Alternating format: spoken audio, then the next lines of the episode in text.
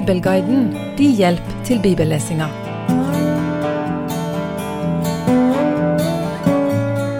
Vi stoppet sist gang midt i kapittel 20, nærmere bestemt med vers 31, som vi snart skal lese om igjen, siden det er ganske sentralt. Før det skal jeg gi en liten oppsummering. Etter at David felte Goliat, har forholdet mellom Saul og David utvikla seg på to måter som kan virke som rake motsetninger. Saul har invitert David hjem for å bo hos seg permanent. Han har gifta han vekk til dattera si og gitt han kommando over en hæravdeling. Gjetergutten David har beveget seg inn i posisjon som en av kongens nærmeste menn. Både privat og på jobb, om en kan si det sånn. Men dette er bare den ene sida. Saul har samtidig i økende grad sett hvilken trussel David er, ikke bare for han, men for hans slekt på kongsstolen.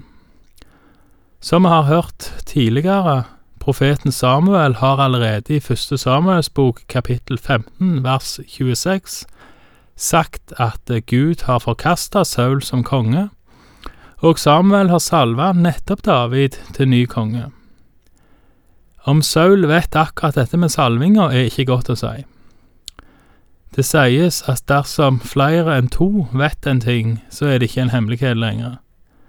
Hvor mange som var til stede når David ble salva, vet en ikke.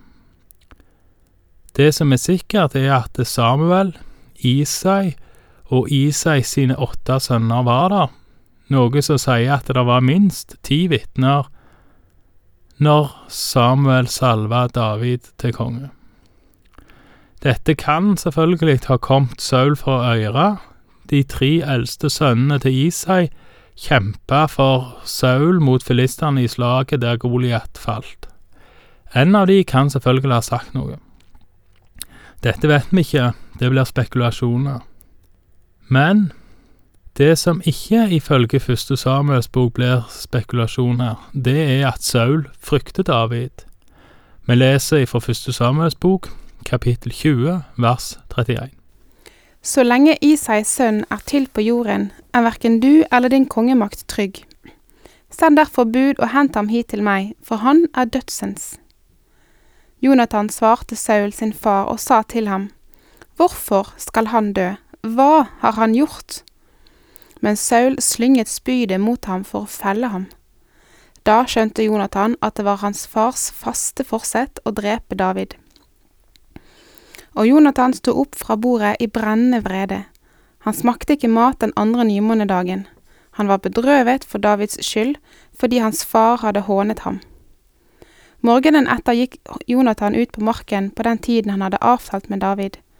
Han hadde en liten gutt med seg, og han sa til gutten, Spring og finn pilene som jeg skyter ut. Gutten sprang av sted, og han skjøt pilene bort over ham. Og da gutten kom til det stedet hvor pilen lå, den som Jonathan hadde skutt, ropte Jonathan til gutten, Ligger ikke pilen bortenfor deg? Så ropte Jonathan enda en gang til gutten, Vær snar, skynd deg, stans ikke. Og Jonathans gutt samlet pilene opp og kom tilbake til sin herre. Men gutten visste ikke om noe. Det var bare Jonathan og David som visste hva dette gjaldt. Så ga Jonathan sine våpen til gutten og sa til ham, Gå inn til byen med dette. Da gutten var gått, kom David fram på sørsiden av steinen. Han falt på sitt ansikt til jorden og bøyde seg tre ganger. De kysset hverandre og gråt begge, men David mest. Og Jonathan sa til David, Gå bort i fred. Når det gjelder det vi to har tilsverget hverandre i Herrens navn, skal Herren for alltid være vitne om pakten mellom meg og deg, og mellom min ett og din ett. Så brøt David opp og gikk sin vei, men Jonathan gikk inn i byen. Her slutter kapittel 20 med at Jonathan holder sitt ord overfor David, og igjen fornekter sin far. Jonathan sin plan om å gi en kode når han driver våpentrening, virker, og David får beskjeden de avtalte, og han vet at han er i livsfare. De to vennene har inngått en pakt og de sier her farvel til hverandre, og begge griner. David drar nå på flukt, og er på flukt til Saul dør. Som jeg har sagt før, David gjør ingen forsøk på å drepe Saul, for hevnen tilhører Herren, og som vi skal lese seinere, så hevdes det i første Samuels bok helt klart at Saul dør på grunn av sin synd, med andre ord at han dømmes av Gud. Nå skal vi lese videre om flukten til David. Vi leser fra første Samuels bok, kapittel 21, vers 1. David kom til presten Akimelek i Nob, og Akimelek kom skjelvende for å møte David, og sa til ham, Hvorfor er du alene og har ingen med deg? David svarte presten Akimelek, Kongen har gitt meg et ærend å utføre. Han sa til meg, Ingen må få vite noe om det ærendet jeg sender deg i, og som jeg har gitt deg å utføre. Mine menn har jeg satt stevne på det og det sted. Men hva har du nå for hånden? La meg få fem brød, eller hva som finnes her. Presten svarte David og sa, Jeg har ikke alminnelig brød for hånden, men hellig brød er her. Bare mennene har holdt seg fra kvinner. David svarte presten og sa til ham, Ja visst, kvinner vi har ikke hatt anledning til å være sammen med, verken i går eller i forgårs. Da jeg dro ut, var alt det mennene mine hadde på seg hellig. Vel, er dette en ferd som ikke er hellig, men i dag blir den hellig ved det de har på seg. Da ga presten ham hellig brød, for det var ikke annet brød der enn skuebrødene, som var tatt bort fra Herrens åsyn, for at ferskt brød kunne legges isteden samme dag som de ble tatt bort. Her skjer det noe viktig. Akimelek og David gjør noe som ved første øyekast kan se ut som ei synd. David og mennene spiser av skuebrødene, og Akimelek tillater det ikke bare, han foreslår det. Hvorfor er dette et problem? Jo, fordi skuebrødene skulle bare spises av prester etter at de har blitt skifta ut, når de har vært synlige for Herren i tabernaklet.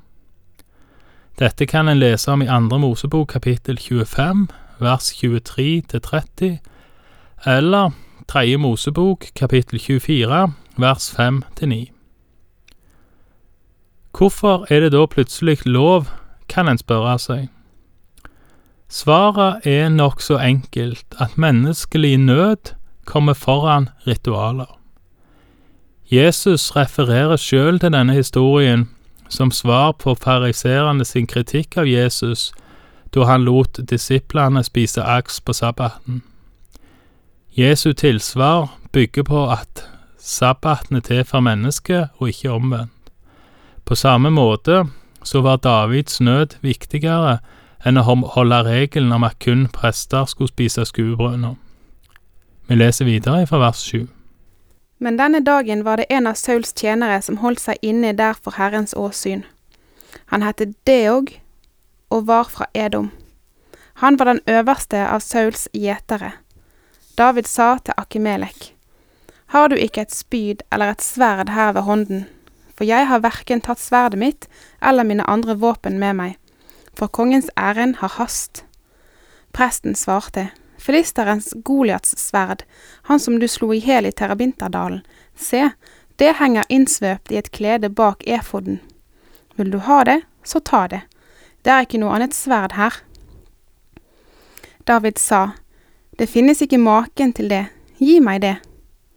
Så brøt David opp og flyktet samme dag for Saul, og han kom til Akish, til kongen i Gat. Og Akish tjener sa til ham, er ikke dette David, landets konge? Er det ikke ham de sang om under dansen? Saul har slått sine tusener, men David sine titusener. David la disse ordene på hjertet og var svært redd Akish, kongen i Gat. Derfor forandret han sin atferd når de så ham, og lot som om han var gal mellom hendene på dem. Ristet på døren i porten og siklet i skjegget. Da sa Akish til tjenerne sine, dere ser jo at det er en gal mann. Hvorfor kommer dere til meg med ham? Har jeg ikke nok av gale folk, siden, de, siden dere kommer hit med ham der? Så han skal plage meg med sin galskap. Skulle en slik få komme inn i mitt hus? Etter å ha spist skuebrødene og blitt observert av Sauls tjener Doeg, som kanskje helt tilfeldig var i tempelet, flykter David til Akish, kongen i Gat. Og han har absurd nok med seg filisteren Goliat sitt sverd, Goliat fra nettopp Gat. Der hadde sangen som Saul mislikte om David som drepte de titusener mot Sauls tusener, allerede nådd fram. Og ryktet hadde vokst til at David òg var landets konge. Ikke rart at David var redd for kongen, for hva kong Akish skulle finne på. Drapet av Goliat var vel grunn nok til at Akish skulle drepe David som hevn for det. David spiller gal, han klorer på dørene og han sikler. Akish hadde angivelig nok galne folk i sitt eget folk, og sender David ifra seg. Hvor David flykter videre, får vi komme tilbake igjen til. Takk for i dag, og Herren være med deg.